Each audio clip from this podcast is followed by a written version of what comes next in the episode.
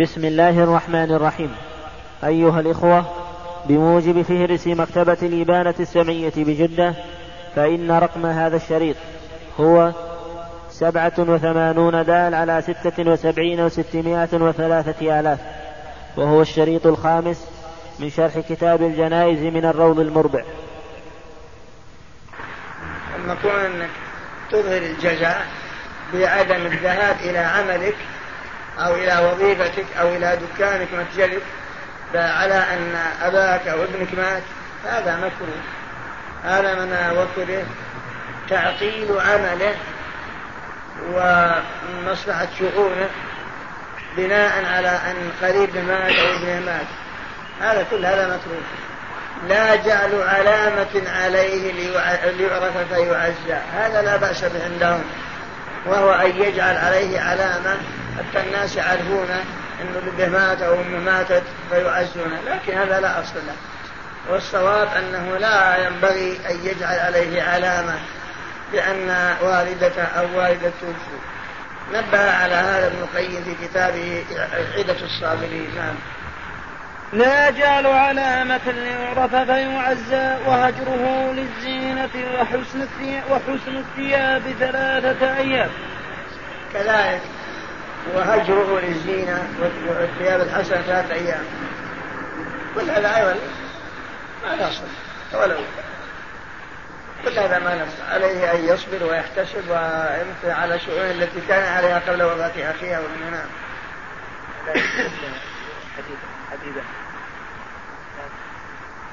عليك بالنسبة للمرأة. أما الرجل مو بحاجة. عليك المرأة لا لا يحل امرأة أن تحد فوق ثلاثة أيام إلا على زوج. واحد يا شيخ يوم الجمعة.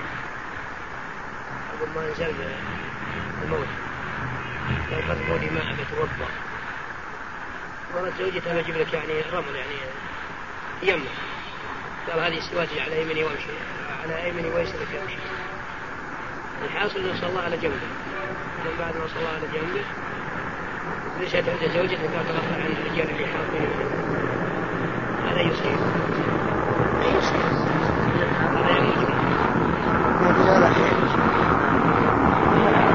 ويحرم النجم أو تعداد محاسن الميت كقوله وسيداه وانقطاع ضراه ويحرم الندب وهو تعداد محاسن الميت مثل وظهراه وعضداه وانقطاع ظهراه وسنداه يعني كأنه انقطع لما مات قريبه أو ابنه.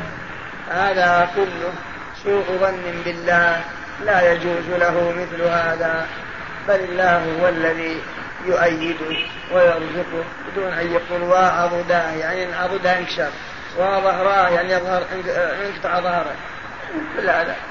من الندبة التي التي يحرم فعلها. نعم. والنياحة وهي رفع الصوت بالند وتحرم النياحة وهي رفع الصوت. أيوة. كما لو مات قريبك فجعلت تصيح بصوت عالي. كل هذا لا ينبغي. نعم. وشق الثوب ولطم الخد ولطم الخد ونحوه كصراخ ونتف شعر ونشره وتسويد وجهه وخمشه لما في الصحيحين. أن رسول الله صلى الله عليه وسلم قال ليس منا من لطم الخدود وشق الجيوب ودعا بدعوى الجاهلية وفيهما أنه صلى الله عليه وسلم برئ من الصارقة والحالقة والشاقة والصالقة التي ترفع صوتها عند المصيبة. وفي صحيح مسلم أنه صلى الله عليه وسلم لعن النائحة والمستمعة كذلك. ومما يحرم أيضا تعاطي وهو شق الثوب ولطم الخد ونتف الشعر وما أشبه ذلك لأن في هذا إظهار الجزاء والسخط لقضاء الله وقدره. وقد جاء الحديث أن رسول الله صلى الله عليه وسلم برئ من الصالقة والحالقة والشقة والصالقة هي التي ترفع صوتها عند المصيبة والحالقة التي تحلق شعرها أو تنتفه والشاقة التي تشق جيبها. عندما يموت زوجها تشق جيبه كل هذا ينافي الصبر الواجب اتباعه والتمسك به. وكذلك لطم الخد فإن النبي صلى الله عليه وسلم يقول ليس منا من ضرب الخدود وشق الجيوب ودعا بدعوى الجاهلية. فالواجب عليه أن يمتثل ما أمر الله به في قوله تعالى وبشر الصابرين الذين إذا أصابتهم مصيبة قالوا إنا لله وإنا إليه راجعون. قال الله أولئك عليهم صلوات من ربهم ورحمة وأولئك هم المهتدون. فالموت كتبه الله على على جميع الخلق. لابد أن يذهب أقوام ويخلفهم آخرون حتى يرث الله الأرض ومن عليها. وكما في قوله تعالى في حق أشرف الخلق وما جعلنا لبشر من قبلك الخلد أفإن مت فهم الخالدون كل نفس ذائقة الموت ونبلوكم بالشر والخير فتنة وإلينا ترجعون وبنهاية هذا المجلس ينتهي شرح فضيلة الشيخ العلامة عبد الله بن محمد بن حميد رحمه الله على كتاب الجنائز من الروض المربع. نسأل الله عز وجل أن يجعل ذلك في موازين حسناته وأن ينفعنا به إنه سميع مجيب. ولقد كنا أشرنا ضمن هذا الشرح إلى أننا لم نحصل على شرح الشيخ لبعض المواضع من هذا الكتاب وهي موضعان فقط. وأشرنا كذلك إلى إتمامه في ملاحق بشرح فضيلة الشيخ محمد الصالح العثيمين على هذين الموضعين وذلك من شرحه على زاد المستقنع. أما الآن فنترككم مع الملحق الأول من هذا الشرح. قال المؤلف رحمه الله تعالى واللحد أفضل من الشق. ويقول مدخله بسم الله وعلى ملة رسول الله. ويضعه في لحده على شقه الأيمن مستقبل القبلة. ويرفع القبر عن الأرض قدر شبر مسنما. ويكره تجصيصه والبناء والكتابة والجلوس والوطو عليه والاتكاء إليه. يقول سجى قبر امرأة فقط واللحد أفضل من الشق. يعني القبر إذا كان لحدا فهو أفضل. واللحد أنه يحفر للميت في قاع القبر حفرة من جهة القبلة ليوضع فيها. ويجوز من جهة خلف القبلة لكنها من جهة القبلة أفضل. المهم أن الشق الذي يوضع فيه الميت يكون على جانب القبر. مائلا ليس بالوسط. ولهذا سمي لحدا لأن أصل اللحد من الميت. ولما كان الشق الذي يوضع فيه الميت مائلا من جانب القبر سمي لحدا. وقوله أفضل من الشق الشق أن يحفر للميت في وسط القبر. حفرة. فصار اللحد أن يحفر للميت على جانب القبر. إما من جهة القبلة وهو الأفضل أو من جهة خلاف القبلة وهو المفضول والشق أن يحفر للميت في وسط القبر. ولكن إذا احتيج إلى الشق فإنه لا بأس به. والحاجة إلى الشق إذا كانت الأرض رملية فإن اللحد فيها لا يمكن. لأن الرمل إذا لحدت فيه انهدم فتحفر حفرة ثم يحفر في وسطها ثم يوضع لبن على جانب الحفرة التي فيها الميت من أجل أن لا ينهد الرمل ثم يوضع الميت بين هذه اللبنات. تصورتموها الآن؟ نعم.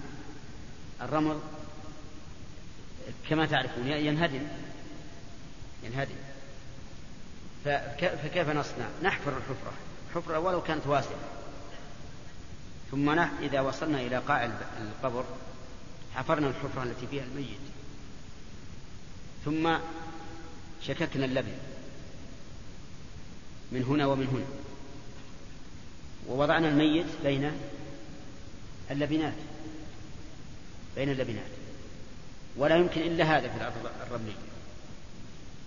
هذا نعتبره شقا لأنه ليس إلى جانب القبر. لكننا نبيحه لماذا؟ لا للضرورة. يعني لأنه لا يمكن الرمل إذا يبس انهد لا شك. وعلى هذا فنقول إذا احتيج إلى الشق لكون الأرض رملا ينهال عند حفره فإنه يحفر له شقا. واللحد أفضل من الشق. وعلم من قوله اللحد أفضل من الشق أن الشق جائز. أن الشق جائز وهو كذلك ولكنه خلاف الأفضل. طيب فإذا قال قائل إلى أين نحفر؟ هل نحفر بطول قامة الرجل؟ أو نصف الرجل أو أقل أو أكثر فالجواب أن نقول التعميق سنة يعمق في الحفر والواجب ما يمنع السباع والرائحة هذا الواجب. هذا أدنى الواجب أن يحفر له حفرة قبر أن يحفر له قبر بحيث يمنع إيش؟ السباع أن تأكله والرائحة أن تخرج. أما كونه لا بد أن يمنع السباع فاحتراما للميت. وأما كونه بحيث لا تكون رائحة فاحتراما للحي لئلا يؤذي الأحياء ويلوث الأجواء بالرائحة. هذا أقل ما يجب. وإن زاد في الحفر فهو أفضل وأكمل لكن بلا حد. وبعضهم حده بالقامة بأن يكون طول القامة. وهذا حقيقة قد يكون شاقا على الناس. ثم إنه أحيانا يعترضون عند الحفر يعترضون ماء قد تكون الأرض يطفح ماؤها. ففي هذه الحال لا بد أن نتخذ الإجراءات اللازمة لمنع الماء. إما ببناء لبنات أو ما أشبه ذلك حتى يمتنع الماء عن الميت. ثم قال ويكره ويقول مدخله يقول بسم الله وعلى ملة رسول الله. يقول مدخله عند وضعه في القبر بسم الله. البسملة كلها خير وبركة ودفن الميت أمر ذو بال وكل أمر ذي بال لا يبدأ فيه ببسم الله فهو أبتر وقد جاءت السنة بذلك أيضا. ولكن من الذي يتولى إدخاله؟ إن كان له وصي يعني قد قال قبل موته فلان يتولى دفني فإننا نأخذ بوصيته. وإن لم يكن له وصي فبأقاربه. يعني نبدأ بأقاربه إذا كانوا يحسنون الدفن. وإن لم يكن له أقارب أو كانوا لا يحسنون الدفن أو لا يريدون أن ينزلوا في القبر فأي واحد من الناس؟ ولا يشترط في من يتولى تنزيل الميتة في قبرها أن يكون من محارمها. يعني يجوز أن ينزلها ولو شخص ولو كان أجنبيا. ودليل ذلك أن النبي عليه الصلاة والسلام لما ماتت ابنته زوجة عثمان رضي الله عنه وخرج إلى المقبرة وحان وقت دفنها قال أيكم لم يقارف الليلة؟ لم يقارف قال العلماء معناه لم يجامع. فقال أبو طلحة أنا. فأمره أن ينزل في قبرها مع أن النبي صلى الله عليه وآله وسلم وهو أبوها وزوجها عثمان بن عفان كان حاضرين فدل ذلك على أنه لا يشترط في تنزيل المرأة في قبرها أن يكون المنزل لها من محارمها. ثم إنه إذا نزله في القبر يقول المؤلف يضعه في لحده على شقه الأيمن. ليس على سبيل الوجوب ولكن على سبيل الأفضلية. أن يكون على الشق الأيمن. وعللوا ذلك بأنها سنة النائم. والنوم والموت والنوم كلاهما وفاة. فإذا كان النبي عليه الصلاة والسلام أمر النائم بأن يكون على الجنب الأيمن فالموت كذلك. فيضعه على الجنب الأيمن. وقال مستقبل القبلة. مستقبل القبلة وجوبا. لأن النبي صلى الله عليه وآله وسلم قال الكعبة قبلتكم أحياء وأموات ولأن هذا عمل المسلمين الذي أجمعوا عليه ولأنه أفضل المجالس. طيب فإن وضعه على جنبه الأيسر مستقبل القبلة. فهو جائز لكن الأفضل أن يكون على الجنب الأيمن. ولم يذكر المؤلف رحمه الله أنه يضع تحته وسادة لبنة أو حجرا. فظاهر كلامه أنه لا يسن أن يضع تحت رأسه لبنة. كالوسادة له. وهذا هو الظاهر عن السلف. فإن من خطب عمر بن عبد العزيز رحمه الله أنه قال إنكم تدعون الميت في صدع من الأرض غير موسد ولا ممهد. وعلى هذا فلا يحتاج إلى وسادة. واستحب بعض العلماء أن يوضع له وسادة. لبنة صغيرة ما هي كبيرة. لتكون له كالوسادة. ثم إن المؤلف لم يذكر أن يكشف شيء من وجهه. وعلى هذا فلا يسن أن يكشف شيء من وجه الميت. بل يدفن ملفوفا في أكفانه. وقال بعض العلماء إنه يكشف عن خده الأيمن ليباشر الأرض. واستدلوا بأثر عن عمر بن الخطاب رضي الله عنه أنه قال إذا أنا مت ووضعتموني في القبر فأفضوا بخدي إلى الأرض. يعني جعلوه مباشرا للأرض. وقالوا إن هذا أيضا فيه استكانة وذل. أن يضع الإنسان خده على الأرض مباشرة. ولكن كثير من أهل العلم من أهل العلم لا يرون ذلك. فأما كشف الوجه كله فلا أصل له. وليس فيه دليل. إلا فيما إذا كان الميت إيش؟ محرما. فإن النبي صلى الله عليه وآله وسلم قال لا تخمروا وجهه وجهه على إحدى أحد اللفظين. وإن كانت هذه اللفظة اختلف العلماء في ثبوتها. أما الرأس بالنسبة للمحرم فإنه لا يغطى طيب إذن نقول وضع اللبنة الأصل عدم سنيته. وضع اللبنة تحت رأسه. فإذا كان هذا هو الأصل فمن ادعى أنه سنة فعليه الدليل. ولا أعلم في ذلك سنة ولهذا عده بعض العلماء من البدع. وأما كشف الكشف عن شيء من وجهه فهذا يروى عن عمر بن الخطاب رضي الله عنه. وأما كشف جميع الوجه فلا أصل له.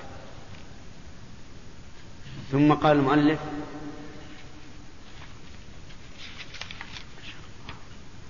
ويرفع القبر أو يرفع القبر عن الأرض قدر شبر مسنما.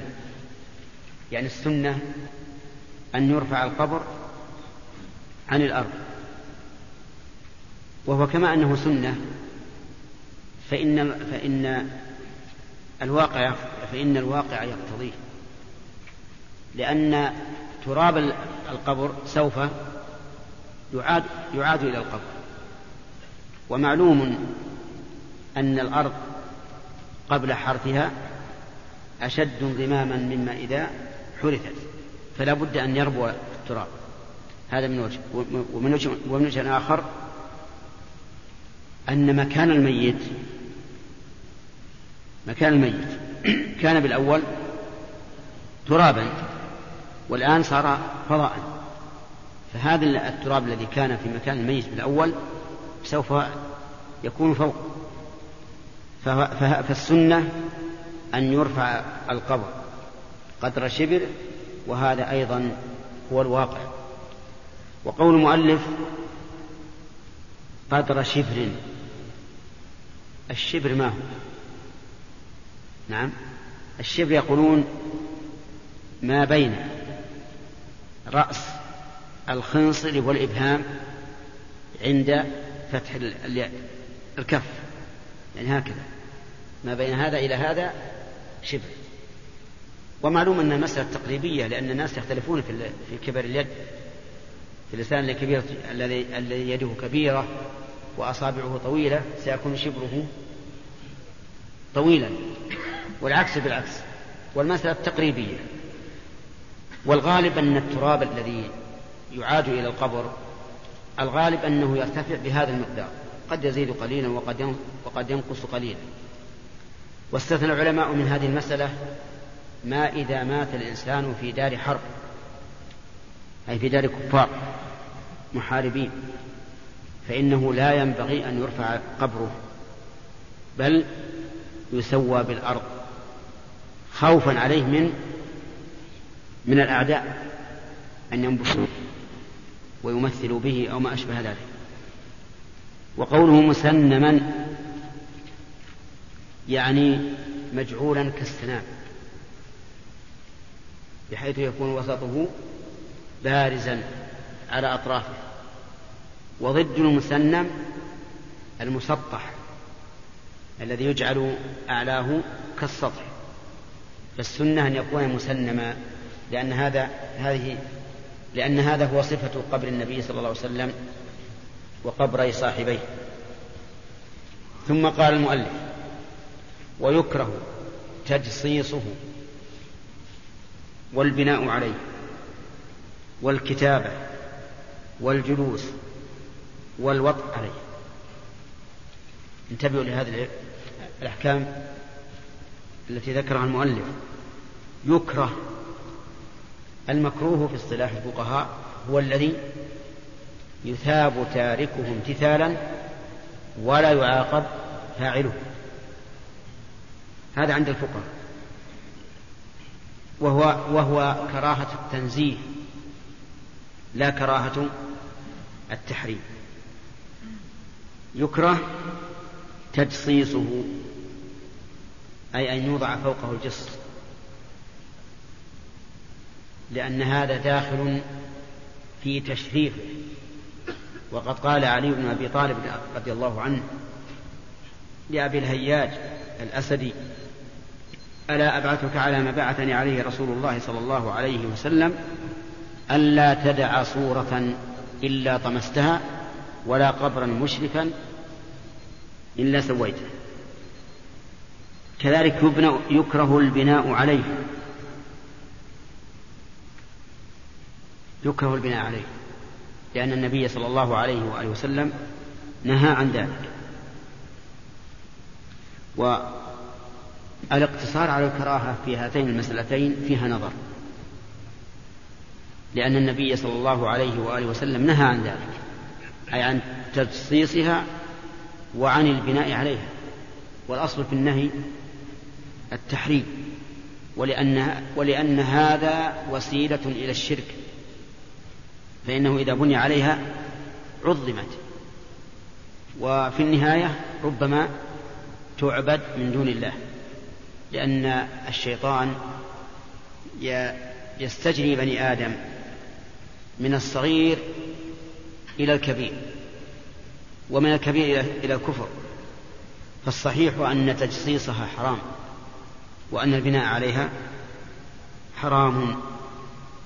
وقد حاول بعض المتأخرين أن يقول إن الفقهاء أرادوا بالكراهة هنا كراهة التنزيه. ولكن هذا غير مسلم. لأن هذا خلاف إيش؟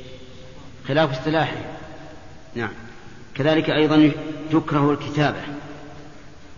الكتابة على القبر. تكره. سواء كتب على الحصى المنصوب عليه أو كتب على نفس القبر. لأن ذلك يؤدي إلى تعظيمه. وتعظيم القبور يخشى أن يكون أن يوصل صاحبه إلى الشرك. وظاهر كلام المؤلف رحمه الله أن الكتابة مكروهة حتى ولو كانت بقدر الحاجة أي حاجة بيان صاحب القبر درءا للمفسدة. وقال شيخنا عبد الرحمن بن سعدي رحمه الله المراد بالكتابة ما كانوا يفعلونه في الجاهلية من كتابات المدح والثناء لأن هذه هي التي يكون فيها المحذور أما التي بقدر الإعلام فإنها لا تكره. يكره الجلوس والوطء عليه أي على القبر. الجلوس على القبر مكروه على كلام المؤلف كراهة تنزيه والصواب أنه محرم. فإن النبي صلى الله عليه وآله وسلم نهى عن الجلوس عن القبر وقال لأن يجلس أحدكم على جمرة فتخرق ثيابه فتمضي إلى جلده خير له من أن يجلس على القبر. وهذا يدل على التحريم والتحذير من ذلك. كذلك الوطء عليه. قال المؤلف إنه مكروه والصحيح أنه حرام لأن النبي صلى الله عليه وآله وسلم نهى عن ذلك ولأنه امتهان لأخيه المسلم. نعم.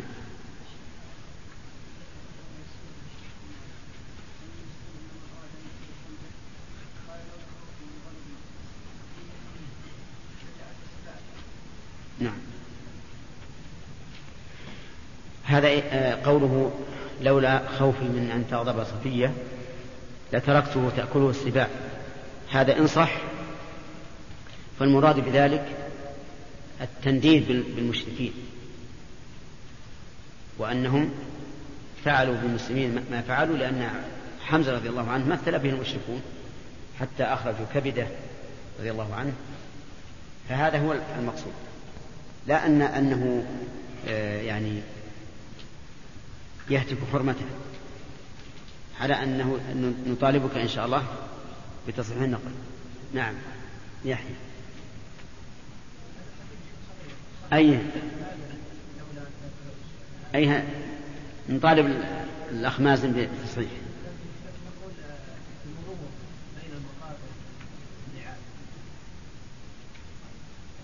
أي نعم نعم نعم. هذا أيضا هذا ما ذكره المؤلف يمكن يذكره في زيارة القبور. نعم. ما ذكره المؤلف.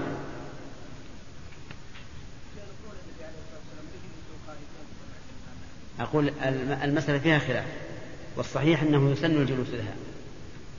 آه، قصدي يسن القيام لها. هذا هو الصحيح. مطلقا إذا مرت به وهو جالس فإنه يقوم. كيف موضوع عن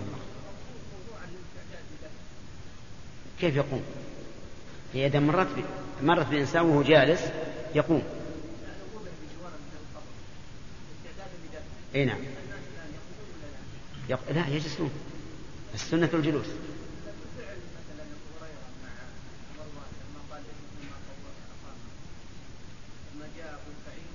هذه قضايا أعيان. وإلا فالمعروف أن الرسول عليه الصلاة والسلام كان يجلس خصوصا إذا كان يحتاج إلى إلى تأخر. كما في حديث عبد الرحمن بن سمرة أنه لما انتهوا إلى القبر ولما يلحد جلسوا وجلس النبي صلى الله عليه وسلم وكان معه مخصرة ينكت بها الأرض. نعم. الشق. نعم. هو الظاهر. يعني يعني أنه من من من ملتهم. نعم. يحتمل هذا أنه أنه تعبد فيكون الشق مكروها على أقل تقدير. ويحتمل أنه بيان لما كانوا يفعلونه فقط. هذه من عاداتهم يا يا واجد اللي بيسلم نعم.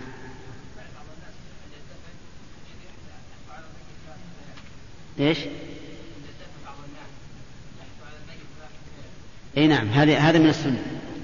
يسن لمن لمن حضر أن يحثو ثلاث حثيات لفعل النبي صلى الله عليه وآله وسلم. نعم.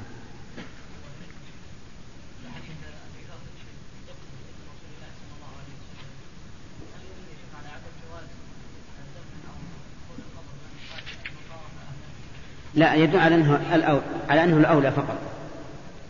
ولكن عاد العلماء اختلفوا في في, في تعليل ذلك. والله أعلم. الله أعلم.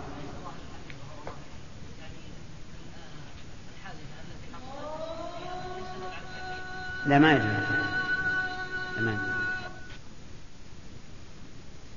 أما الآن فنترككم مع الملحق الثاني.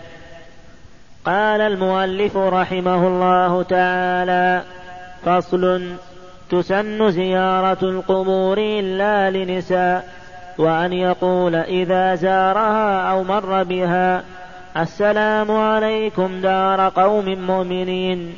وإنا إن شاء الله بكم للاحقون. يرحم الله المستقدمين منكم والمستأخرين. نسأل الله لنا ولكم العافية. اللهم لا تحرمنا أجرهم ولا تفتنا بعدهم واغفر لنا ولهم. بسم الله الرحمن الرحيم. قال المؤلف رحمه الله تعالى فصل تسن زيارة القبور. تسن. والسنة عند الفقهاء ما أثيب فاعله ولم يعاقب تاركه فهي في مرتبة بين المباح والواجب. وسنيتها ثابتة بالسنة والإجماع كما نقله النووي رحمه الله. أما السنة فمن قول النبي صلى الله عليه وسلم وفعله. قال صلى الله عليه وسلم كنت نهيتكم عن زيارة القبور فزوروها فإنها تذكركم الآخرة. وأما فعله فقد ثبت عنه صلى الله عليه وآله وسلم أنه كان يخرج إلى البقيع فيسلم عليه. يقول تسن زيارة القبور إلا للنساء فليست بسنة. فقيل تكره وقيل تباح وقيل تحرم وقيل من الكبائر. أربعة أقوال. تباح تكره تحرم كبيرة. والمشهور من المذهب عند الحنابلة أنها تكره والكراهة عندهم للتنزيه. يعني فلو زارت المرأة القبور فإنه لا إثم عليها. والصحيح أنها من كبائر الذنوب زيارة المرأة للقبور. ودليل ذلك أن النبي صلى الله عليه وآله وسلم لعن زائرات القبور واللعن لا يكون إلا على كبيرة من كبائر الذنوب لأن معناها الطرد والإبعاد عن رحمة الله. وهذا وعيد شديد. أما من جهة النظر فلأن المرأة ضعيفة التحمل قوية العاطفة سريعة الانفعال لا تتحمل أن تزور القبر. وإذا زرت حصل لها من البكاء والعويل. وربما شق الجيوب ولطم الخدود ونتف الشعور وما أشبه ذلك. ثم إذا ذهبت وحدها إلى المقابر فالغالب أن المقابر تكون في مكان خال في أطراف البلد يخشى عليها من الفتنة أو العدوان عليها. فكان القياس وهو النظر الصحيح موافقا للأثر. وهو منعها من زيارة القبور ولعنها. استثنى الأصحاب يعني الفقهاء والحنابلة استثنوا قبر النبي صلى الله عليه وآله وسلم وقبر صاحبيه. وقالوا إن زيارة النساء لهذه القبور الثلاثة لا بأس بها. وعللوا ذلك. بأن زيارتهن لهذه القبور الثلاثة لا يصدق عليها أنها زيارة لأن بينها وبين هذه القبور ثلاثة جدر ثلاثة جدر لأن بينها وبين هذه القبور ثلاثة جدر كما قال ابن القيم فأجاب رب العالمين دعاءه وأحاطه بثلاثة الجدران فهن وإن وقفن على الحجرة لم يصلن إلى القبر فلا تكون زيارتهن زيارتهن زيارة حقيقية. وعلى هذا فيستثنى من قوله إلا للنساء إيش؟ قبر النبي صلى الله عليه وآله وسلم وقبر صاحبيه. والذي يترجح عندي أنه لا استثناء. لأن وصولهن إلى محل القبور إما أن يكون زيارة أو لا يكون. فإن كان زيارة وقعنا في هذا في الكبيرة. وإن لم تكن زيارة فلا فرق بين أن يحضرن إلى مكان القبر أو أن أو أن يسلمن على النبي صلى الله عليه وآله وسلم من بعيد. وحينئذ يكون مجيئهن إلى القبور لغوا لا فائدة منه. بل في زمننا هذا قد يكون هناك مزاحمة للرجال. وأعمال لا تليق بالمرأة في مسجد النبي صلى الله عليه وآله وسلم. فإن قال قائل ما تقولون في حديث عائشة؟ رضي الله عنها أنها زارت قبر أخيها. قلنا إن قول النبي صلى الله عليه وسلم لا يعارض بقول أحد كائنا من كان. وها هي عائشة تقول شبهتمونا بالحمير والكلاب؟ يعني في قطع الصلاة إذا مرت المرأة من بين يدي المصلي. مع أن النبي صلى الله عليه وآله وسلم صرح بأن هذه الثلاثة الكلب الأسود والحمار والمرأة تقطع الصلاة. فهي رضي الله عنها غير معصومة. ولا يمكن أن يستدل بفعلها على قول النبي صلى الله عليه وآله وسلم. فإن قيل ما تقولون في حديثها الثابت في صحيح مسلم حين فقدت النبي صلى الله عليه وآله وسلم ذات ليلة وطلبته ثم رأت أدركته في البقيع خرج في البقيع يسلم عليه. ثم رجع من البقيع ورجعت هي قبله حتى أدركها في البيت ثم سألها ما لها حشة رابية يعني قد ثار نفسها. فأخبرته وقالت يا رسول الله رأيت يعني إن خرجت. ماذا أقول؟ قال قولي السلام عليكم دار قوم مؤمنين إلى آخر. فالجواب عن ذلك أن نقول يفرق بين المرأة إذا خرجت لقصد الزيارة وإذا مرت بالمقبرة بدون قصد الزيارة. فإذا مرت بالمقبرة بدون قصد الزيارة. اللعن.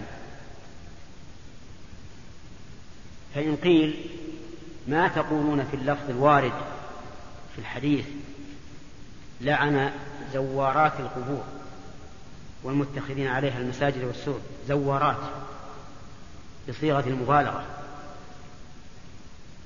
فالجواب أن نقول إن الحديث ورد بلفظين زائرات وزوارات فإن كانت زوارات للنسبة فلا إشكال وإن كانت للمبالغة فإن, ما فإن لفظ زائرات فيه زيادة علم فيؤخذ به لأن زائرات يصدق بزيارة واحدة. وزورات بالكثير للمبالغة ومعلوم أن الوعيد إذا جاء معلقا بزيارة واحدة ومعلقا بزيارات متعددة فإن مع المعلق بزيارة واحدة إيش؟ زيادة علم لأنه يحق الوعيد على من زار مرة واحدة على لفظ زائرات دون لفظ زوارات فيكون مع لفظ زائرات زيادة علم فيؤخذ به. لكن لو أخذنا بزوارات ألغينا دلالة زائرات. وقد تكلم شيخ الإسلام رحمه الله على هذه المسألة في الفتاوي مجموع بن قاسم كلاما جيدا ينبغي لطالب العلم أن يراجعه. وبين أو ذكر أظن ثمانية أوجه في الرد على من قال إن النساء يسن لهن زيارة القبور. فراجعوه فإنه مفيد جدا. قال تسن زيارة القبور إلا للنساء ويقول إذا زارها. نقول يقول أو ويقول. إن جعلنا الواو للاستئناف قلنا بالرفع يقول. وإن جعلناها عطفا على زيارة قلنا ويقول لأن المضارع إذا عطف على اسم خالص نصب. قال ابن مالك وإن على اسم خالص. وإن على اسم خالص فعل عطف تنصبه أن ثابتا أو منحدف وإن على اسم خالص فعل عطف يعني المضارع تنصبه أن ثابتا يعني ثابتة أو منحدف محذوفة. واستشهدوا لذلك بقول الشاعر ولبس عباءة وتقر عيني أحب إلي من, لب من لبس الشفوف. قول لبس عباءة وتقر بالنصب لأنه معطوف عليه على لبس على اسم خالص مصدر. طيب هنا ويقول عطفا على زيارة. فعليه يكون المعنى ويسن أن يقول. يسن أن يقول. أما إذا جعلناها بالراء فهي مستأنفة ويقول إذا زارها أو مر بها. إذا زارها يعني قصد زيارتها وخرج إليها أو مر بها مرورا قاصدا غيرها. السلام عليكم دار قوم مؤمنين. السلام. السلام اسم من أسماء الله كما في آخر سورة الحشر السلام المؤمن لكنه في التحية لا يراد به اسم لا يراد به اسم الله وإنما يراد به التسليم فهو اسم مصدر كالكلام بمعنى إيش؟ التكليم والمعنى التسليم عليكم أي الدعاء بالسلامة عليكم والسلامة بالنسبة لأهل القبور. قد يصعب الإنسان تصورها يسلمون من إيش؟ من المرض؟ ها؟ لا لكن من العذاب. من العذاب. قد يكون الإنسان في قبره معذبا ولو عذابا خفيفا فإذا سألت الله له السلامة سلم. ثم أنت الآن تسلم على عموم القبور. السلام عليكم. وقول السلام عليكم أتى بكاف الخطاب. فهل الكاف هذه تدل على أنهم يسمعون؟ لأنه لا يخاطب إلا من يسمع. ما لم يقم دليل ظاهر على أن المخاطب لا يسمع. وإنما قلت ما لم يقم دليل ظاهر لئلا يورد علينا مورد قول قول عمر رضي الله عنه الحجر الأسود إني لأعلم أنك حجر لا تضر ولا تنفع. ولولا أني رأيت النبي صلى الله عليه وآله وسلم يقبلك ما قبلتك. فهنا خاطبه وهو حجر. لكن أهل القبور هل هم يخاطبون مخاطبة الحجر أو مخاطبة السامع؟ الظاهر الثاني. الظاهر الثاني. لكن أهل القبور هل هم يخاطبون مخاطبة الحجر أو مخاطبة السامع؟ الظاهر الثاني. الظاهر الثاني. وقد ذكر ابن القيم في كتاب الروح حديثا عن النبي صلى الله عليه وسلم. يتضمن أن من سلم على قبر وهو يعرفه في الدنيا رد الله على صاحب القبر روحه فرد عليه السلام. فلا يبعد أن يكون أهل المقبرة عموما إذا سلم عليهم يسمعون. يسمعون. ولا نقيسهم بالحجر الأسود. لأن الحجر الأسود عندنا دلالة حسية ملموسة وهي أنه حجر أنه حجر.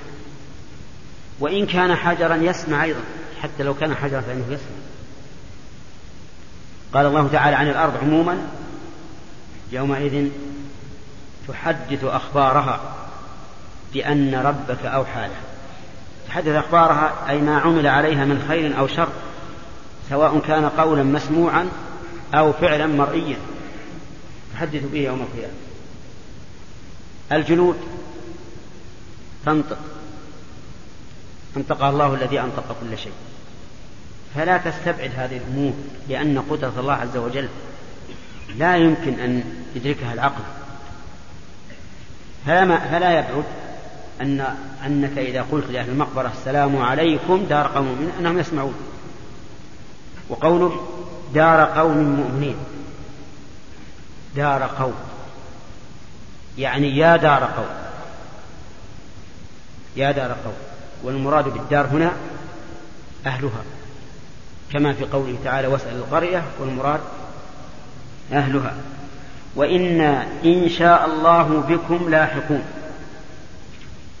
وإنا إن شاء الله بكم لاحقون. لاحقون على إيش؟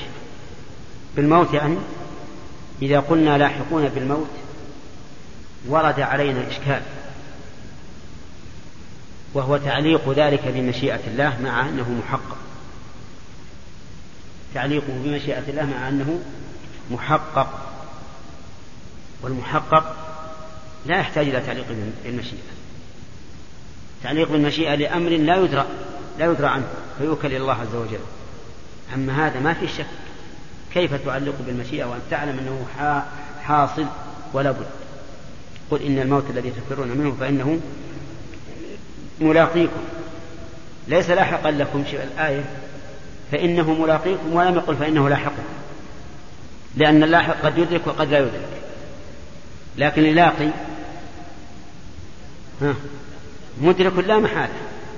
نسأل الله أن يميتنا وإياكم على الحق. المهم أن أنه يرد, يرد إشكال. تعليق الشيء المحقق بالمشيئة غير وارد ولا مشروع. فقيل في التخلص من هذا الإيراد وإنا إن شاء الله بكم لاحقون على الإيمان. فيكون اللحوق معنويا لا حسيا بدليل قوله دار قوم مؤمنين وإنا إن شاء الله بكم لاحقون على الإيمان. عرفتم وحينئذ إذا كان المقصود لاحقون على الإيمان فالمشيئة مشروعة. تعليق ذلك بالمشيئة مشروع. ولكن يمكن أن نقول لاحقون على الإيمان وعلى الموت مع أن الذي يتبادر لزائر القبور الذي يقول وإنا إن شاء الله بكم لاحقون. الموت. هذا المتبادر فنقول أما إذا فسرنا اللحاق باللحاق على الإيمان فلا إشكال. وإذا فسرنا اللحاق باللحاق على الموت فالجواب عن ذلك أن نقول إن التعليق هنا تعليل ولا وليس تعليقا. تعليل. أي أن لحوقنا إياكم سيكون بمشيئة الله. أو يكون التعليق هنا ليس على أصل الموت ولكن على وقت الموت.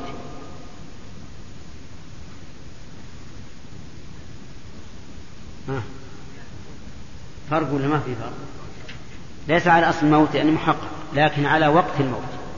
كأنه كأنه قال وإنا إذا شاء الله يعني متى ما شاء الله لحقنا به. فيكون التعليق على إيش؟ آه على وقت الموت. يعني سنلحق بكم في الوقت الذي يشاء الله أن نلحق. وتعليق هذا بالمشيئة واضح. أن لن نموت إلا إذا شاء الله موتنا في أي وقت. فهذه ثلاثة أجوبة. الأول أن المراد اللحاق على الإيمان. الثاني أن المراد اللحاق باللحاق أصل الموت لكن لكن التعليق ها للتعليق الثالث أن المراد بالتعليق تعليق بالوقت يعني وقت الموت. كأنه قال وإنا متى شاء الله أن نلحق بكم؟ لحقنا بكم.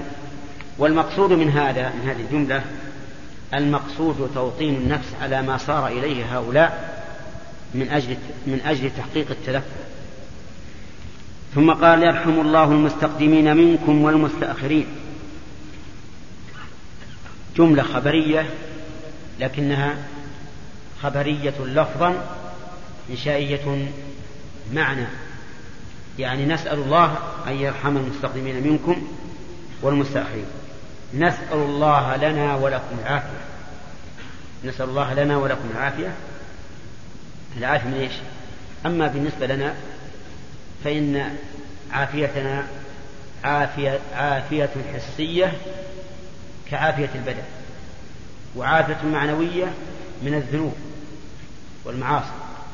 أما العافية لأهل القبور فهو فهي العافية من العذاب من عذاب القبر. اللهم لا تحرمنا أجرهم. لا تحرمنا أجرهم. أي أجر؟ أجرنا على الأموات. متعدد. أولا الحزن عليهم. الحزن على الأموات. فكم من ميت في هذه المقبرة قد حزنت عليه. إما لقرابة أو صداقة أو نفع. أو غير أو غير ذلك. ولا شك أن الإنسان إذا أصيب بمصاب وتحمل فله إيش؟ فله أجر. إذا أصيب بمصاب به وتحمل فله أجر. ثانيا أجر الزيارة. لا تحرمنا أجرهم أي أجر الزيارة لهم. لأن زيارتنا لهم سنة. أمر بها النبي صلى الله عليه وآله وسلم وفعلها بنفسه فنحن نفعلها امتثالا واقتداء. امتثالا لأمره واقتداء بفعله عليه الصلاة والسلام. اللهم ولا تفتنا بعدهم. هذه جملة عظيمة. تسأل الله أن لا يفتنك بعده. لأن الإنسان قد يفتتن بعد, بعد موت أقاربه وأصحابه وأصدقائه ومشائخه وغير ذلك قد يفارقون هذا الرجل مستقيما ثم يفتن. وبالعكس فأنت تسأل الله أن لا يفتنك بعده. يفتنك بشبهات تعرض لك أو أو بإرادات سيئة وهي فتنة الشهوات تعرض لك. والإنسان ما دامت روحه في جسده فهو معرض للفتنة نعوذ بالله من الفتنة. معرض. يذكر أن الإمام أحمد رحمه الله في سياق الموت يغمى عليه ويسمع يقول بعد بعد. فلما أفاق قيل له يا عبد يا أبا عبد الله ما بعد بعد؟ قال رأيت الشيطان أمامي يعض على يديه. يقول فتني يا أحمد. يعني عجزت أن أدركك وأغويك. فأقول بعد بعد. يعني ما دامت الروح في الجسد فالإنسان على خطر على خطر. ويدل لهذا قول النبي صلى الله عليه وسلم إن الرجل لا يعمل بعمل أهل الجنة حتى ما يكون بينه وبينها إلا ذراع فيسبق عليه الكتاب فيعمل بعمل أهل النار فيدخلها. ولهذا أوصي نفسي وإياكم أن تسألوا الله دائما الثبات على الإيمان وأن تخافوا لأن تحت أرجلكم مزالة وهو إذا لم يثبتكم الله عز وجل وقعتم في الهلاك. واسمعوا قول الله عز وجل لرسوله أثبت الخلق وأقواهم إيمانا ولولا أن ثبتناك. لقد كدت تركن إليهم شيئا قليلا. تميل. ميلا قليلا. إذا يعني لو فعلت لأذقناك ضعف الحياة وضعف الممات. ثم لا تجد لك علينا نصيرا. خطاب شديد للرسول عليه الصلاة والسلام. فإذا كان هذا للرسول صلى الله عليه وآله وسلم فما بالنا نحن؟ نحن ضعفاء الإيمان. ضعفاء الإيمان واليقين تعترين الشبهات والشهوات. ونحن على خطر عظيم. لهذا أدعوكم مرة ثانية ونفسي أن تسألوا الله دائما الثبات. الثبات على الحق. وأن لا يزيغ قلوبكم. وهذا هو دعاء أولي الألباب. ربنا لا تزغ قلوبنا بعد إذ هديت. وهب لنا من لدنك رحمة إنك أنت الوهاب. وقال ولا تفتنا بعدهم واغفر لنا ولهم. اغفر لنا ولهم. الغفر ستر الذنب مع التجاوز عنه. يدل على ذلك الاشتقاق لأنه مشتق من إيش؟ من المغفر وهو ما يوضع على الرأس أيام القتال من أجل وقاية السهام. فهو ساتر واقع. فالمغفرة ستر الذنب مع العفو والتجاوز عنه. واغفر لنا ولهم. نعم. يقول وتسن تعزية المصاب بالميت. تسن عرفتم معنى السنة هو التي هي التي يثاب فاعلها ولا يعاقب. تاركها. والتعزية هي التقوية يعني تقوية المصاب على تحمل المصيبة. وذلك بأن نورد له من الأدعية والنصوص الواردة في فضيلة الصبر ما يجعله يتسلى وينسى المصيبة. هذا هو المقصود بالتعزية. لا المقصود بالتعزية أن نأتي إليه لنثير أحزانه كما يفعل بعض الناس. يجي عزيه مثل بابنه ميت يقول الله هذا الولد شاب صالح مؤتسم نعم. الحقيقة إنه حساب على الموت. وما أشبه ذلك من الكلام. صحيح هذا موجود. وتلقى له أخ منحرف ربما يقول بعض الناس ليت أبوه صحيح أنا أقول شيء أسمع عنه. هل هذه تعزية؟ ما هي تعزية؟ هذه تزيد الإنسان. ولما خرجوا بعقيل ابن علي بن عقيل أحد الفقهاء الحنابلة وكان هذا الولد طالب علم جيدا. خرجوا به وخرج الناس يعني احتفاء به وقضاء لحقه ولحق أبيه. قام رجل بأعلى صوته. يقول يا أيها العزيز إن له أبا شيخا كبيرا فخذ أحدنا مكانه إن نراك من المحسن شوف كيف فزجره ابن عقيل رحمه الله وقال يا هذا. القرآن نزل لتسكين الأحزان. القرآن نزل لتسكين الأحزان لا لتهيج الأحزان. وكلامك هذا يهيج الأحزان. فنهى. فالتعزية ليست لأجل أن تهيج أحزانه وتندمه على ما حصل. التعزية أن تقويه على الصبر والتحمل. وما لفظها؟ أحسن لفظ للتعزية ما اختاره النبي صلى الله عليه وآله وسلم. أرسلت إليه إحدى بناته تقول إن عندها طفلا يعني محتضرا. فجاء الرسول إلى النبي صلى الله عليه وآله وسلم وقال له يعني يحضر.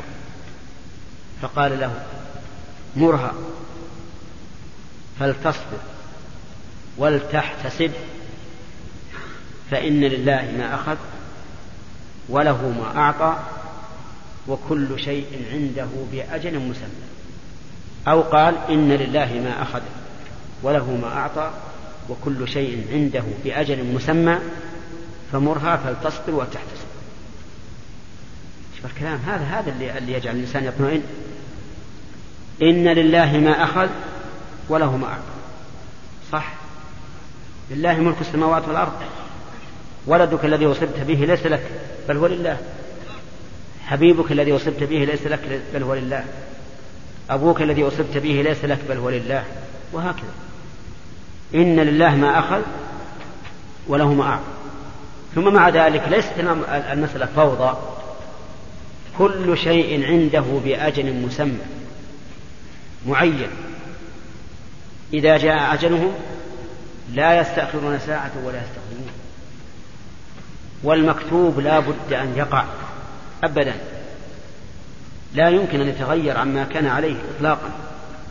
يعني لا تندم تقول والله ليت ما فعلت ليت ما, ما تركت بلا معالجة ليت عالجت وما أشبه ذلك. لا تقول هذا. يعني هذا شيء مكتوب على ما وقع. فقال عليه كل شيء عنده بأجل مسمى مرها فلتصبر على هذه المصيبة. والصبر مثل اسمه مر مذاقته لكن عواقبه أحلى من العسل. الصبر شديد لكن عواقبه حميدة.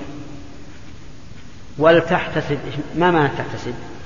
يعني تحتسب الأجر على الله عز وجل لأن الله قال إنما يوفى الصابرون أجرهم بغير حساب. هذا هو العذاب.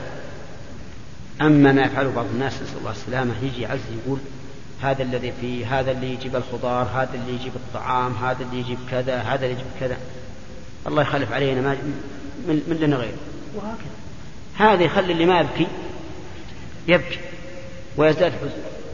ولهذا يقول المؤلف تعزية المصاب. ثم إن المؤلف قال تعزية المصاب.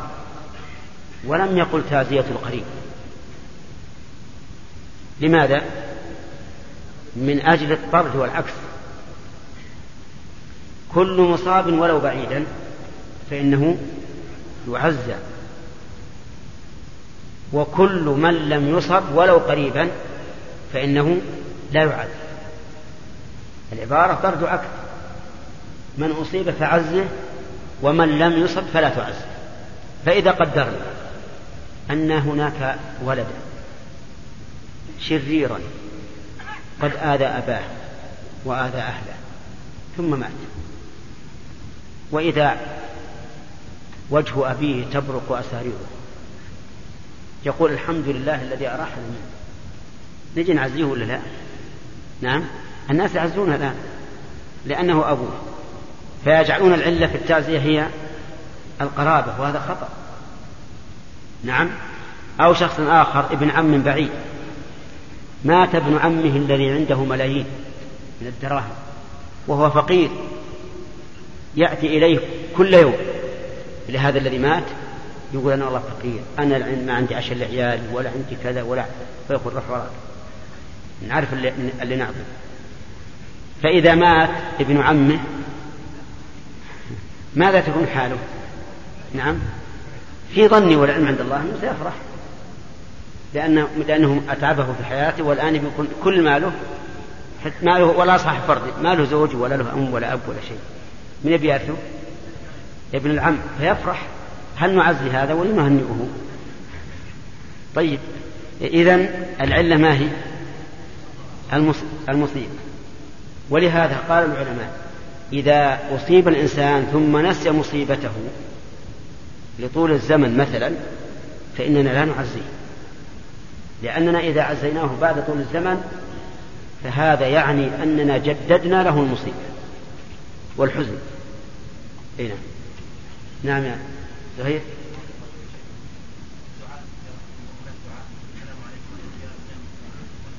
نعم. اي نعم. آه من من المسلمين والمؤمنين. أما على القول بأن الإسلام والإيمان شيء واحد فعطفهما من باب عطف مترادف كقول الشاعر الفى قولها كذبا وميلا.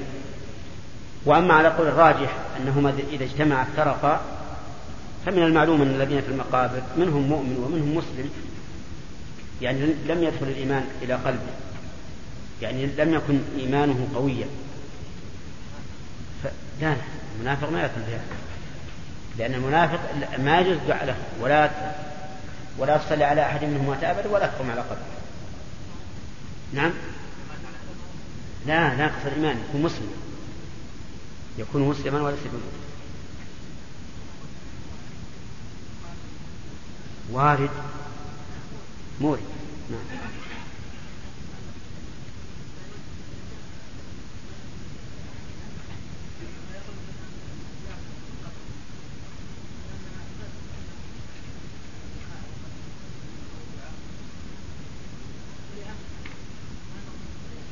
بالنسبة للنساء زيارة النساء لقبر الرسول هو إذا عللنا بعلة إذا كانت مستنبطة فالعبرة بعموم الحكم. أما إذا كانت منصوصة فهي التي يتبعها الحكم. وهذه مسألة ينبغي أن تعرفوها وقد قلناها كم مرة. العلة المنصوصة يتبعها الحكم. والعلة المستنبطة لا يتبعها الحكم. لأنه يجوز أن تكون العلة غير الذي فهمناه. أليس كذلك؟ نعم. يحيى.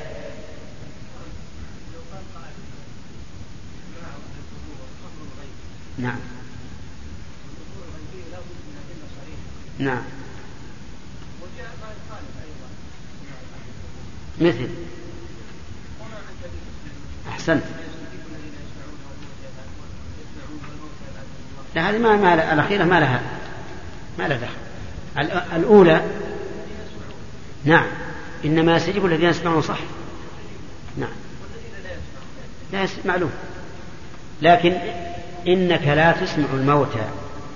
هل كان الرسول يخرج إلى المقابر يدعوهم حتى نقول إنك لا تسمعهم؟ لا. فالمراد بالموتى هنا موت القبور القلوب. يعني هؤلاء بمنزلة الموتى الذين لا لا, لا يستجيبون.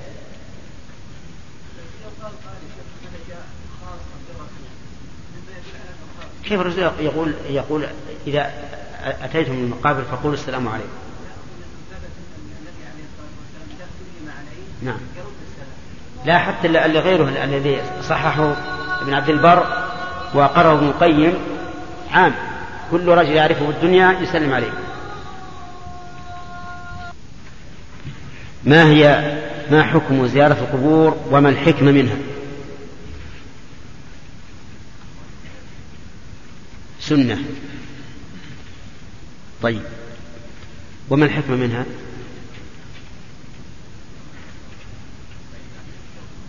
الحكمة منها أنها تذكر الآخرة كما قال النبي صلى الله عليه وآله وسلم. طيب.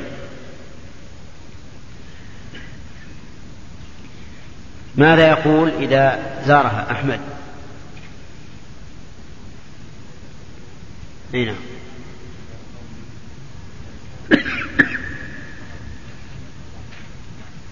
يرحم الله المستقيمين منكم. كمل. اللهم لا تحرمنا أجرهم. نعم. نسأل الله لنا ولكم العافية. طيب. زيارة القبور سنة لمن؟ دون النساء ما حكم زيارة النساء القبور؟ نعم مباحة مباح والقول الثالث وهو المشهور من المذهب والقول الثالث حرام والقول الثالث من وهو الصحيح ولا وفي قول الخامس إنها سنة للرجال للنساء ما ذكرت لكم؟ لا في من يقول إن حكم النساء حكم الرجال في هذا. طيب. ما حكم تعزية أقارب الميت؟ نعم. تعزية أقارب الميت. ها؟ تعزية أقارب الميت. فرض كفاية؟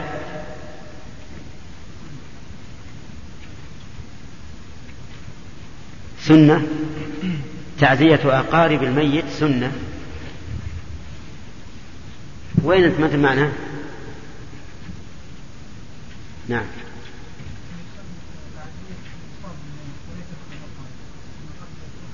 الحكم معلق بالمصاب. كذا. إذا تعزية المصاب سواء من الأقارب أو من غير الأقارب. لا من لم يصب ولو كان من الأقارب. تمام؟ طيب. ماذا تقول؟ كيف يعزى المصاب يا عبد الرحمن مع بن إبراهيم.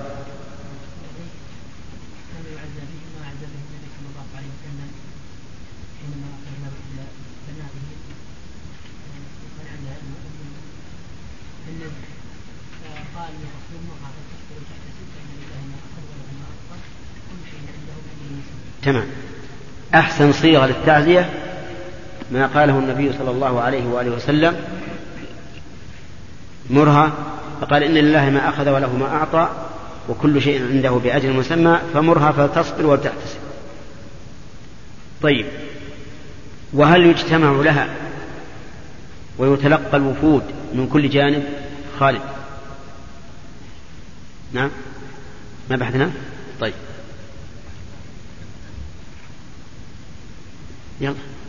اللي يقول بحثنا يأتي بما بحثنا. نعم. كانوا يعدون صنع الطعام والاجتماع عليه من من النياحة. طيب وصرح بعض العلماء بأنها بدعة. هذا إذا خلت مما مما يخالطها من فعل بعض الناس اجتماع رجال ونساء وصياح وعويل. وقارئ يقرأ وما أشبه ذلك. نعم؟ حتى أنك تمر بالدار وكأنها دار عرس. هذا لا شك أنه منكر وأنه يجب على طلبة العلم أن ينبهوا العامة عنه. عليه حتى يتركوه. طيب. ثم قال المؤلف رحمه الله تعالى ويحرم الندب. ها؟ ويجوز البكاء على الميت. يجوز البكاء على الميت. لأن النبي صلى الله عليه وآله وسلم بكى على ابنه إبراهيم. وقال العين تدمع والقلب يحزن ولا نقول إلا ما يرضي ربنا. أو قال الرب وإنا بفراقك يا إبراهيم لمحزونون. وبكى عند قبر إحدى بناته وهي تدفن. ولكن هذا في البكاء الذي تمليه الطبيعة ولا يتكلفه الإنسان. فأما الدعاء المتكلف فأخشى أن يكون من النياحة التي يحمل عليها قول النبي عليه الصلاة والسلام إن الرجل أو إن الميت ليعذب ببكاء أهله عليه. إن الميت ليعذب يعني في قبره ببكاء أهله عليه. فإن هذا الحديث صح عن النبي صلى الله عليه وآله وسلم. وقد اختلف العلماء في تخريج هذا الحديث. وقالوا كيف يعذب الإنسان على عمل غيره؟ وقد قال الله تعالى ولا تزر وازرة وزر أخرى. ولأن تعذيب الإنسان بعمل غيره ظلم له. فإنه عقوبة لغير الظالم بفعل الظالم. وهذا ينافي عدل الله وحكمة الله عز وجل. فكيف يكون هذا الأمر؟ وأجيب بأجوبة منها أن هذا في حق من, من أوصى به.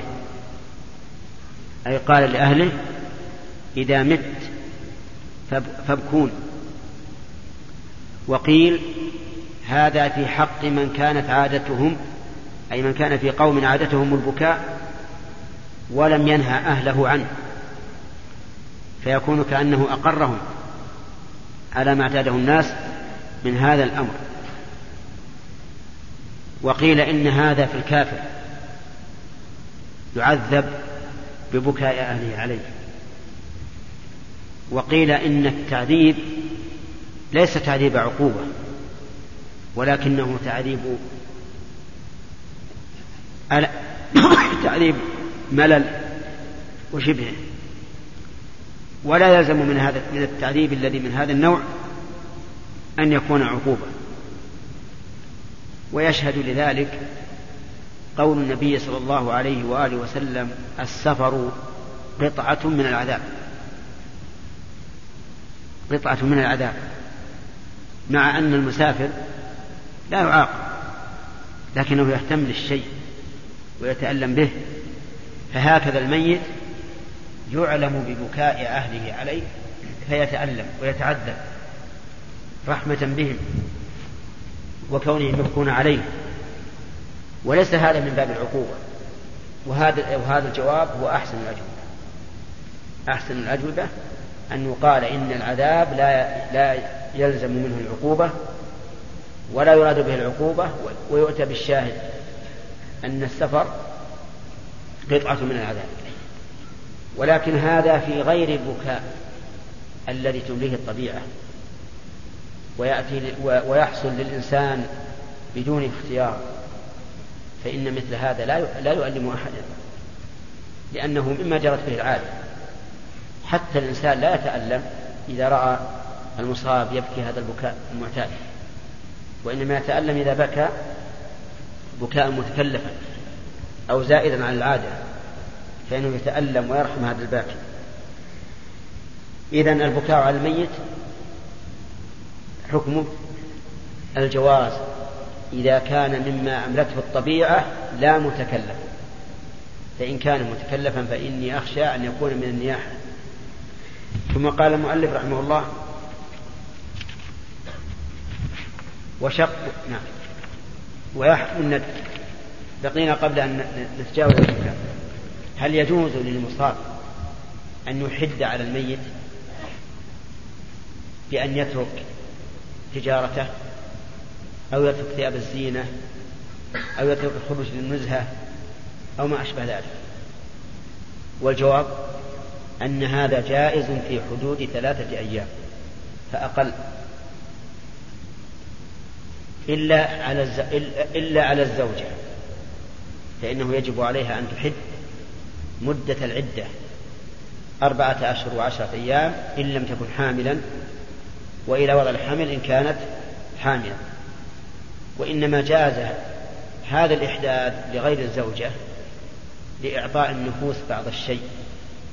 مما يهون عليه المصيبة. لأن الإنسان إذا أصيب ثم كبت لأن قيل اخرج وامشي على ما أنت عليه فإنه ربما تبقى المصيبة في قلبه. ولهذا يقال إن من جملة الأدب والتربية بالنسبة للصبيان أنه إذا أراد أن يصيح خلوا يصيح أحسن من أجل أن يرتاح. لأنه يخرج ما في قلبه وهو وإن صاح مدة قصيرة ثم سكت بنفسه فإنه يذهب ما في, نفسه. لكن لو سكته أنت صار عنده انكماش كبت وانكماش نفسي.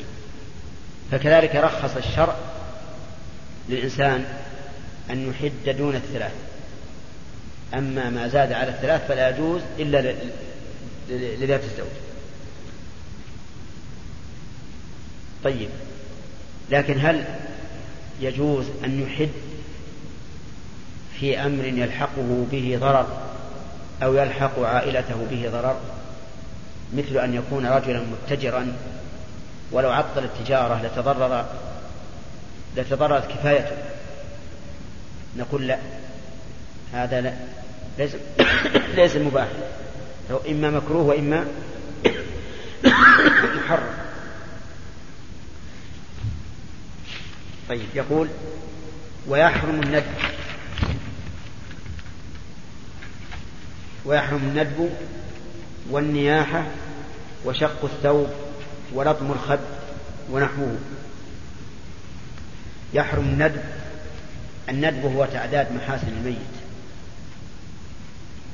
لكن بحرف الندبة وهي واء فيقول وا سيداه. ومن يأتي لنا بالطعام والشراب ومن يخرج بنا للنزهة ومن يفعل كذا وكذا. هذا الندب. وإنما سمي ندبا كأن هذا المصاب ندبه ليحضر. بحرف الموضوع لندبه وهي واء كما قال ابن مالك في الألفية وواء لمن ندب. وأما النياحة فهي أن يبكي ويندب برنة تشبه نياحة الحمام. تشبه نياحة الحمام. لأنها لأن هذا يشعر بأن هذا الرجل أو هذا المصاب متسخط من قضاء الله وقدره. فلهذا ورد الوعيد الشديد على من فعل ذلك حيث قال النبي عليه الصلاة والسلام النائحة إذا لم تتب قبل موتها تقام يوم القيامة وعليها سربال من قطران ودرع من جرب. نسأل الله العافية.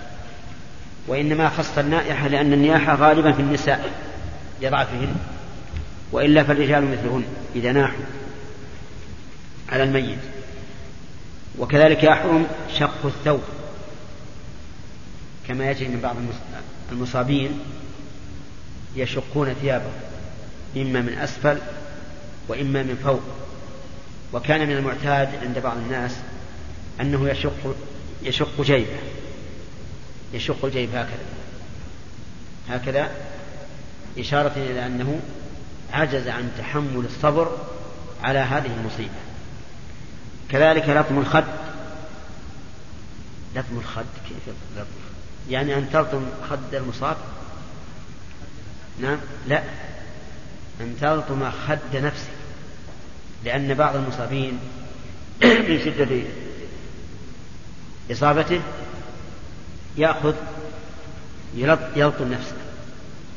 يضرب خد الأيمن ثم الأيسر ثم الأيمن ثم الأيسر كأنما يصنع خبزا هذا حرام.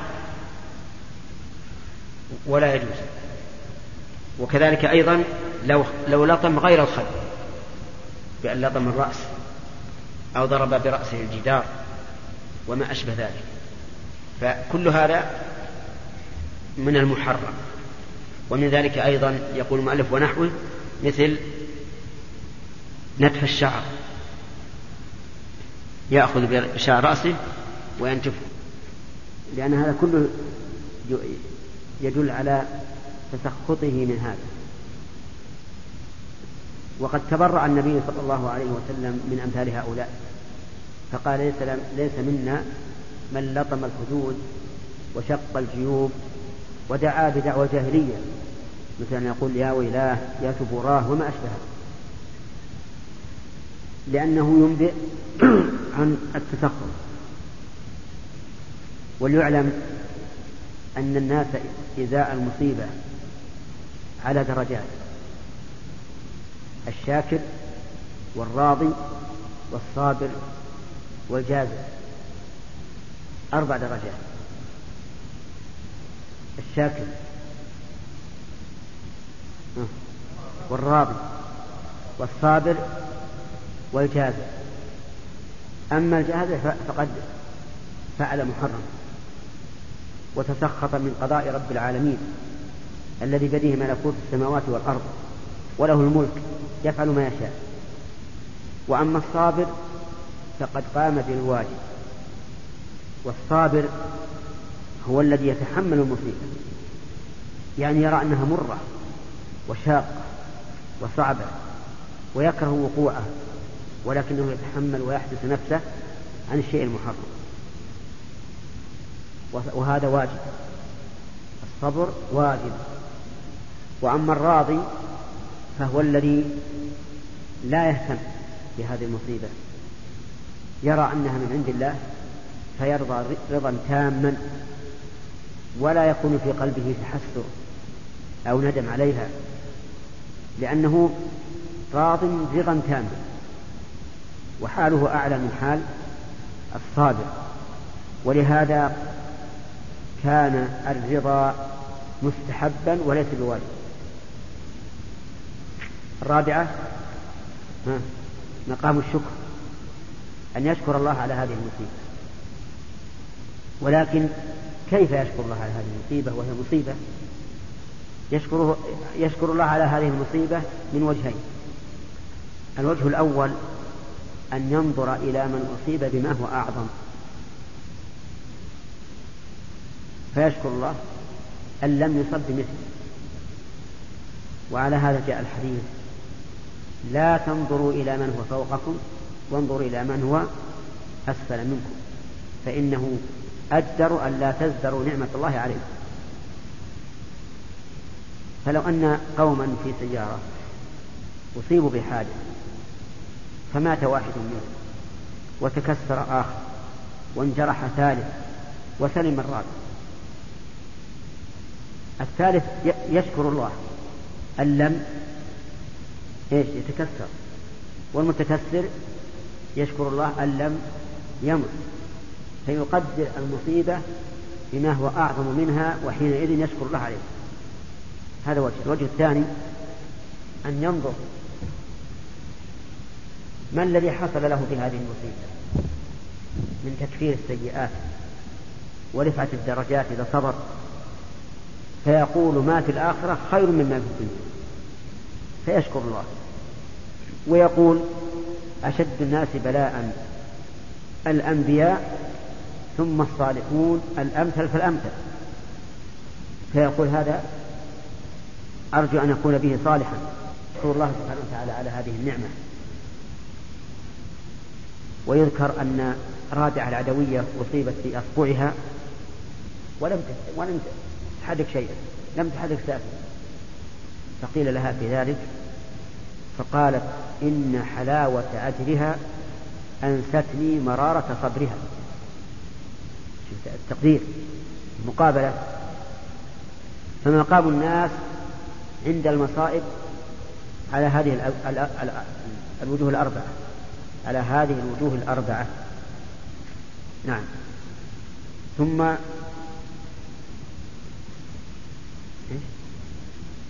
حكم إيش؟ الشكر مستحب. الشكر على المصيبة مستحب لأنه فوق الرضا لأن الشاكر راض وزيادة. نعم. انتهى الكلام على الصلاة. ونبدأ الآن بكتاب الزكاة. نعم. والعلماء رحمهم الله يترجمون بكتاب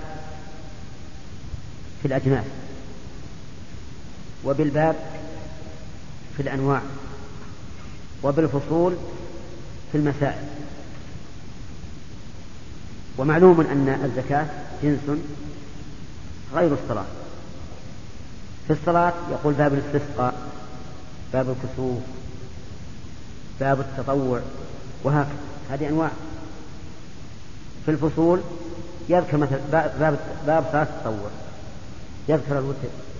وإذا انتهى منه قال فصل وتسن الرواتب. وهكذا. فالفصول للمسائل والأبواب للأنواع والكتب للأجناس. هذا هو الأصل. وقد يختلف الحكم الحال. نعم. ثم قال المؤلف كتاب الزكاة. كتاب الزكاة عبر عنه أو ترجم له بكتاب لأنه جنس مستقل. والزكاة كما لا يخفى علينا جميعا أهم أركان الإسلام بعد الصلاة. والله سبحانه وتعالى يقرنها كثيرا بالصلاة في كتابه وقد ثبت عن الإمام أحمد رحمه الله في إحدى الروايات عنه أن تاركها بخلا يكفر كتارك الصلاة. ولكن الصحيح أن تاركها لا يكفر والذين كفروا تاركها أو كفروا مانعها بخلا. قالوا إن الله تعالى قال فإن تابوا وأقاموا الصلاة وآتوا الزكاة فإخوانكم في الدين. فرتب ثبوت الأخوة على هذه الأوصاف الثلاث إن تابوا من الشرك وأقاموا الصلاة وآتوا الزكاة فإخوانكم في الدين. ولا يمكن أن تنتفي الأخوة في الدين إلا إذا خرج الإنسان من الدين. أما إذا فعل الكبائر فهو أخ لنا وإن فعل الكبير فها هو القاتل عمدا. قال الله فيه يا أيها الذين آمنوا كتب عليكم القصاص في القتلى الحر بالحر والعبد بالعبد والأنثى بالأنثى فمن عفي له من أخيه شيء. فاتباع بالمعروف. من أخيه من أخوه؟